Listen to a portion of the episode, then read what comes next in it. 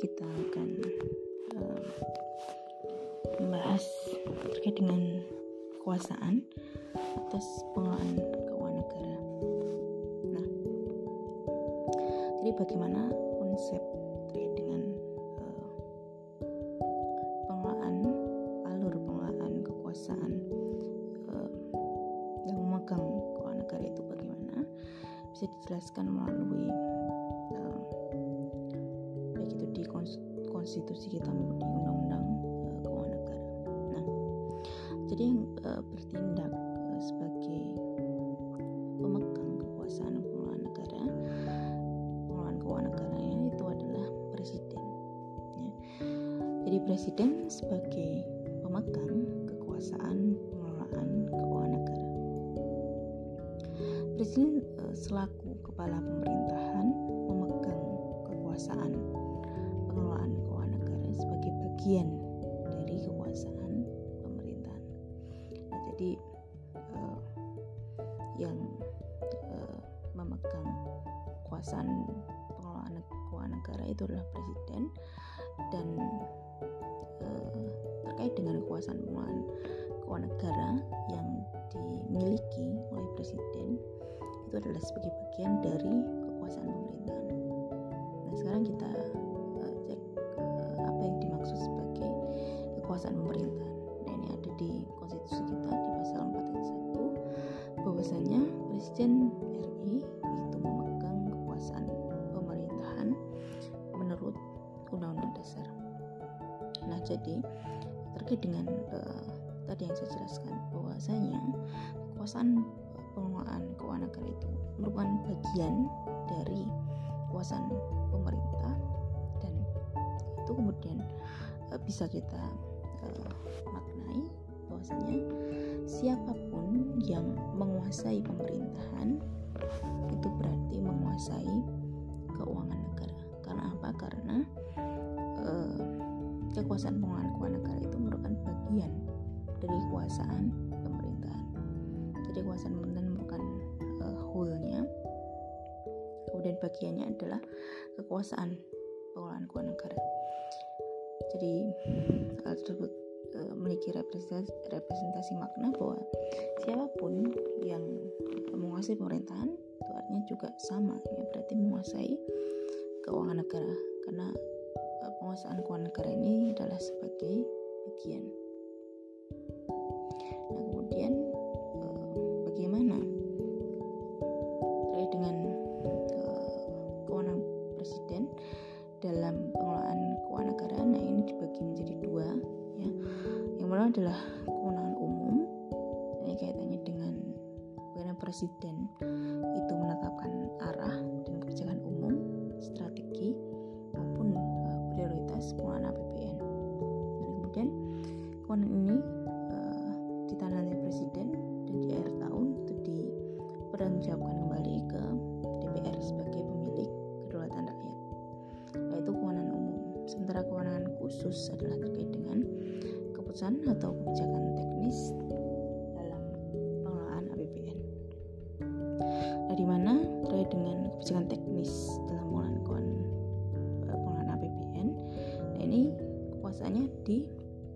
kewenangannya didelegasikan ya, pada uh, Menteri Keuangan. Jadi uh, Menteri uh, Keuangan kemudian uh, menerima delegasi dari Presiden dalam pengelolaan keuangan negara. Ya, jadi selain uh, kekuasaan keuangan Presiden dalam PKN, ya pengelolaan keuangan negara itu didelegasikan ke Menteri Keuangan juga didelegasikan ke menteri atau pimpinan lembaga negara serta juga kepada uh, pejabat pemerintahan di lingkup pemerintahan daerah baik itu gubernur, bupati maupun wali kota. Dan yang perlu dicermati bersama ya terkait dengan pendelegasian kewenangan pengelolaan keuangan negara. Nah, yang pertama adalah dikuasakan pada Menteri Keuangan terlebih dahulu ya selaku pengelola fiskal dan wakil e, pemerintah dalam kepemilikan kekayaan negara yang dipisahkan. kemudian selain dikuasakan pada Menteri Keuangan yang kedua adalah dikuasakan pada Menteri atau uh, pimpinan lembaga ya, selaku uh, pengguna anggaran atau pengguna barang kementerian atau yang ketiga adalah diserahkan pada gubernur, bupati atau wali kota selaku kepala pemerintah daerah dalam uh, mengelola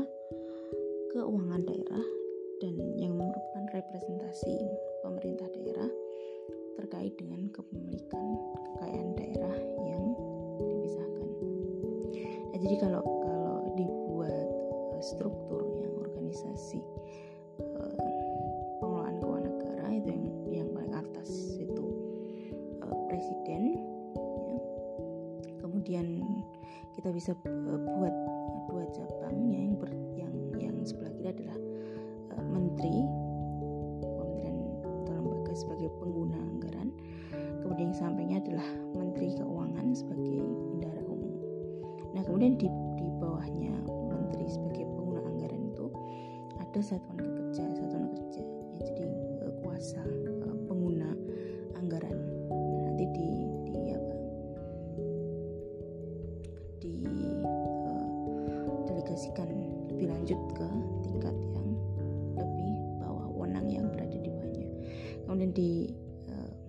Keuangan sebagai bendara umum. Nah itu kemudian di bawahnya bisa dibuat cabang uh, kantor pelayanan dan perbendaharaan uh, negara. Jadi sebagai uh, kuasa dari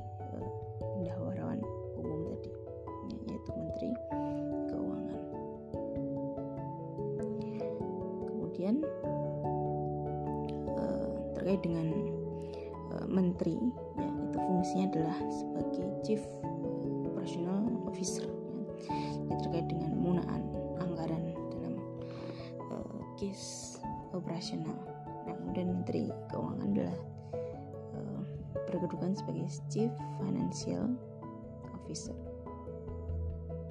Nah, kemudian yang yang perlu diperhatikan di sini adalah terkait dengan perusahaan keuangan tadi sudah saya jelaskan yang terkait dengan pembagian di uh, menteri teknis yang selaku pengguna anggaran nah itu dikuasakan lagi ke kuasa pengguna anggaran. Di, di bawahnya lagi ada pejabat membuat komitmen maupun uh, terkait dengan uh, pengujian maupun pembebanan perintah dan pembayaran. Kemudian di Menteri Keuangan ya kemudian dikuasakan kepada kuasa bendara umum negara kemudian dilimpahkan lagi ke uh, KPPN ya kan sebagai kantor ya, pelayanan perbendaharaan negara. Itu secara uh, singkat terkait dengan pemisahan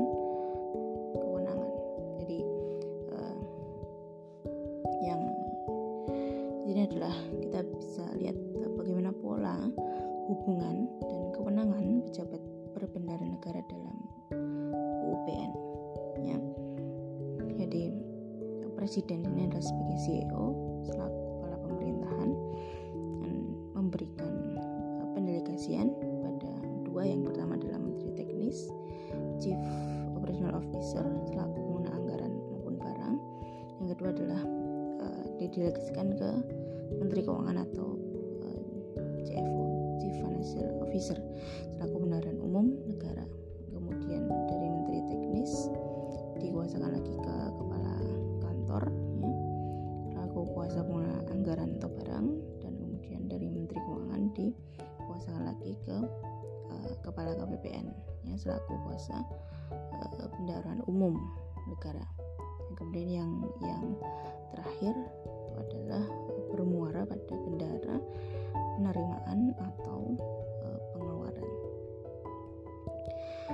jadi uh, yang pertama, yang konsep yang yang kita bisa garis bawahi adalah terkait dengan pendelegasian di mana uh, di sini Menteri Keuangan sebagai pembantu presiden dalam bidang keuangan itu pada yang merupakan Chief Financial Officer atau CFO pemerintah RI.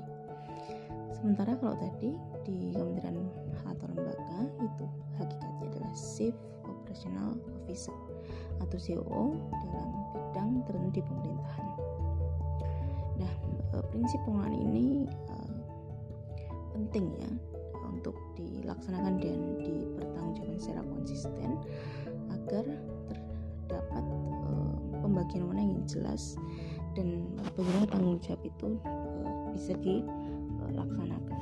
Kemudian juga agar ada mekanisme check and balance juga dalam rangka untuk mendorong terkait dengan upaya uh, bagaimana untuk uh, agar profesionalisme dan terselenggaranya tugas pemerintahan itu bisa meningkat ya terkait dengan good uh, governance. Nah, terkait dengan uh, peran Menteri Keuangan sebagai Chief Financial Officer, ya, dia membantu Presiden. Sub bidang keuangan fiskal, baik itu di pengelolaan kebijakan fiskal uh, dan ekonomi makro, kemudian di penganggaran, baik itu di administrasi perpajakan, kepabeanan, perbendaraan maupun pengawasan keuangan. Tugas Menteri Keuangan dalam e, melaksanakan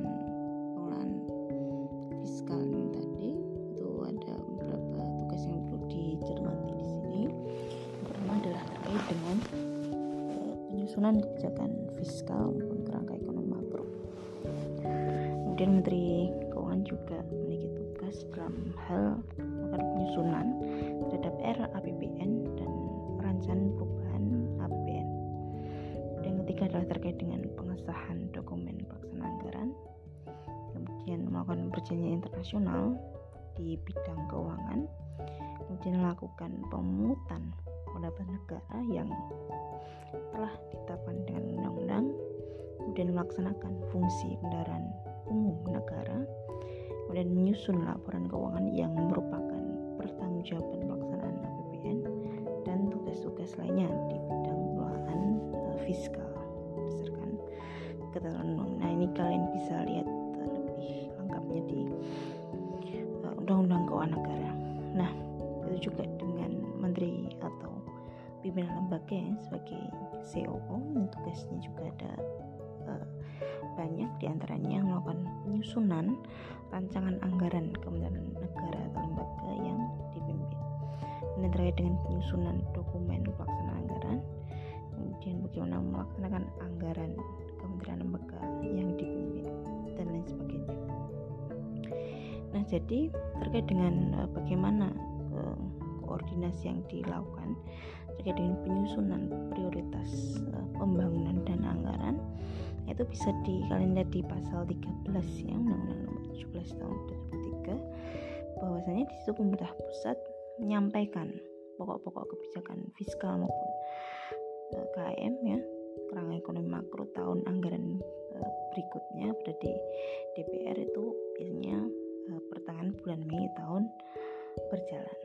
Nah setelah itu pemerintah pusat maupun DPR melakukan pembahasan terkait kerangka ekonomi makro dan pokok-pokok kebijakan fiskal yang sudah diajukan pemerintah pusat dalam uh, pembicaraan pendahuluan RAPBN tahun anggaran berikutnya.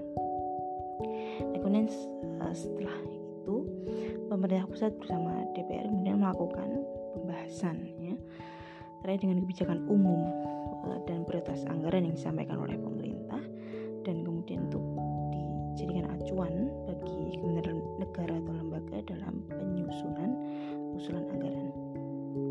Ini misalnya terkait dengan uh, kondisi pandemi yang terakhir, nah itu uh, focusing semua ya. Jadi pemerintah pusat melakukan focusing pada penyelesaian pandemi.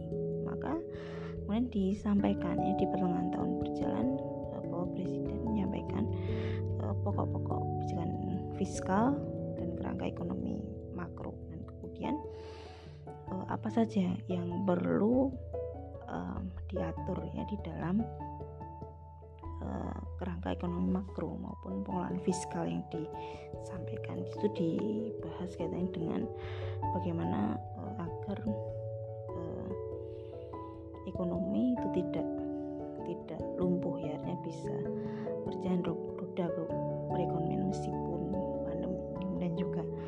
Eh, bagaimana uh, anggaran itu diprioritaskan untuk penyelesaian COVID-19. Nah, kita kembali lagi ke terkait dengan peran dan fungsi presiden terkait dengan pemegang uh, kekuasaan atas pengelolaan keuangan daerah ini diatur dalam rangka ya. Bisa dilihat di pasal 7 ayat 1 Undang-Undang Nomor 17 Tahun 2003 dalam rangka tidak lain adalah untuk mencapai tujuan bernegara Tahun 2003 di sana disebutkan bahwa kekuasaan atas pengelolaan keuangan negara itu digunakan untuk mencapai tujuan bernegara. Nah, tujuan bernegara kita apa? Nah, kita bisa lihat di preambul ya, preambul alinea e, 4 ya, pembukaan undang-undang dasar, pembukaan konstitusi kita alinea keempat di antaranya melindungi segenap bangsa dan tumpah darah, kemudian memajukan kesejahteraan umum, mencerdaskan kehidupan bangsa dan e, lain sebagainya. Nah, dampak atau implikasi hukum dari pasal 7 ayat 1 ini konsekuensinya adalah pemerintah harus melakukan penyusunan terkait dengan program dan kegiatan. Itu yang pertama. Yang kedua tentunya pemerintah di sini harus uh, menyediakan anggaran. Ya. Nah, dalam rangka penyelenggaraan fungsi pemerintahan untuk mencapai tujuan uh, bernegara, oleh karena itu setiap tahun disusun dalam bentuk APBN maupun APBD. Nah, ini di uh, pasal 23 Undang-Undang Dasar 45 kemudian diatur terkait dengan uh, ketentuan konstitusional terkait dengan APB, APBN ya bahwa APBN itu merupakan wujud pengelolaan keuangan negara yang itu ditetapkan setiap tahun dengan undang-undang dan dilaksanakan secara terbuka maupun bertanggung jawab untuk kemakmuran rakyat. Nah, siapa yang yang berhak mengajukan uh, eh, RUU APBN ini tidak lain adalah presiden. Pembahasan bersama dengan DPR dengan melakukan pertimbangan DPD tentunya. Nah, kemudian kita lanjut ke implikasi selanjutnya adalah terkait dengan kekuasaan pengelolaan keuangan negara dalam sistem pemerintahan coba kita cek di sini bahwa di pasal 1 ayat 2 itu ada uh, bunyi bahwa kedaulatan berada di tangan rakyat dan dilaksanakan menurut undang-undang dasar. Nah, jadi undang-undang dasar ini sebenarnya menempatkan negara sebagai pihak yang menguasai ya bukan sebagai uh, pemilik ya jadi hanya sebagai pihak yang menguasai dalam hal mengelola dan mempertanggungjawabkan keuangan negara salah satu unsur uh, pemerintahan itu adalah melakukan pengelolaan keuangan negara yang uh, bisa tidak menimbulkan kerugian keuangan negara. Nah, ketaatan terkait dengan pelaksanaan mentah negara itu bentuknya adalah dengan presiden mengamankan eh, keuangan negara. Tetapi juga sebagai implikasi tak hanya presiden sebagai bagian dari perwujudan sumpah janji kepada rakyat ya, selaku pelaku eh, pemilik kedaulatan. Nah sekarang kita bahas ya bagaimana terkait dengan kekuasaan atas uh, pengelolaan keuangan negara dalam sistem di sistem pemerintah daerah. Uh, bisa kita uh, cermati bersama ya di undang-undang Pemda ya, maupun di undang-undang uh, keuangan negara. Bahwasanya terkait dengan kekuasaan atas presiden itu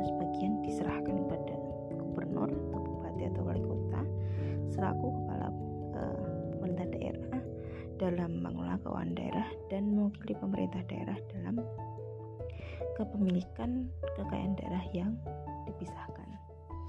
jadi uh, kalau uh, tadi itu yang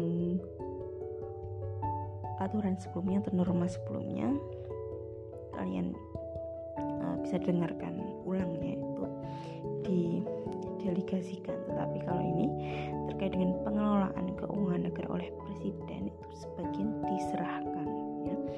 Ya kalau tadi didelegasikan kalau kata ini diserahkan kepada gubernur sebagian ya sebagian diserahkan kepada gubernur atau bupati atau kita selaku kepala pemerintah daerah sesuai dengan asas desentralisasi. Karena memang negara Indonesia adalah negara yang sifatnya bukan sentralisasi lagi ya tapi sebagian uh, urusan dari pemerintah pusat itu diselenggarakan di uh, daerah jadi diserahkan ke pemda ke pemerintah daerah.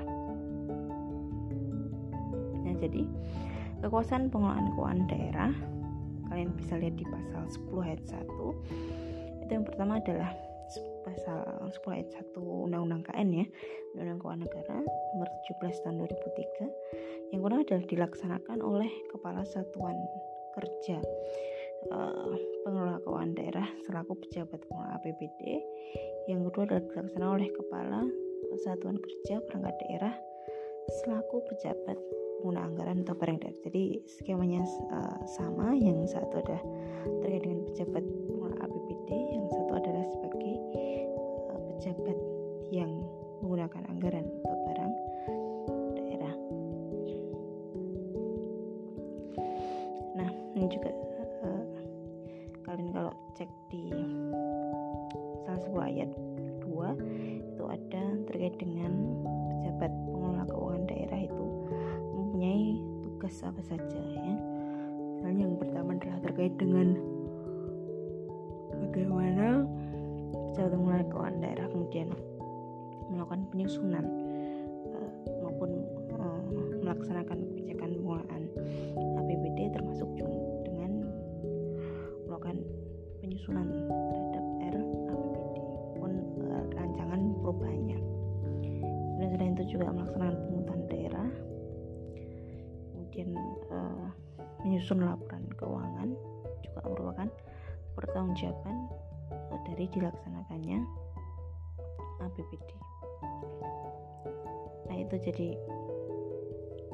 terkait dengan dasar hukum kekuasaan atas pengelolaan keuangan negara dan uh, tujuan bernegara itu diatur di uh, preambul di alinea 4. Kemudian poin yang selanjutnya yang penting dalam bahasan terkait kali ini itu adalah presiden kekuasaan pemerintah menurut undang-undang dasar.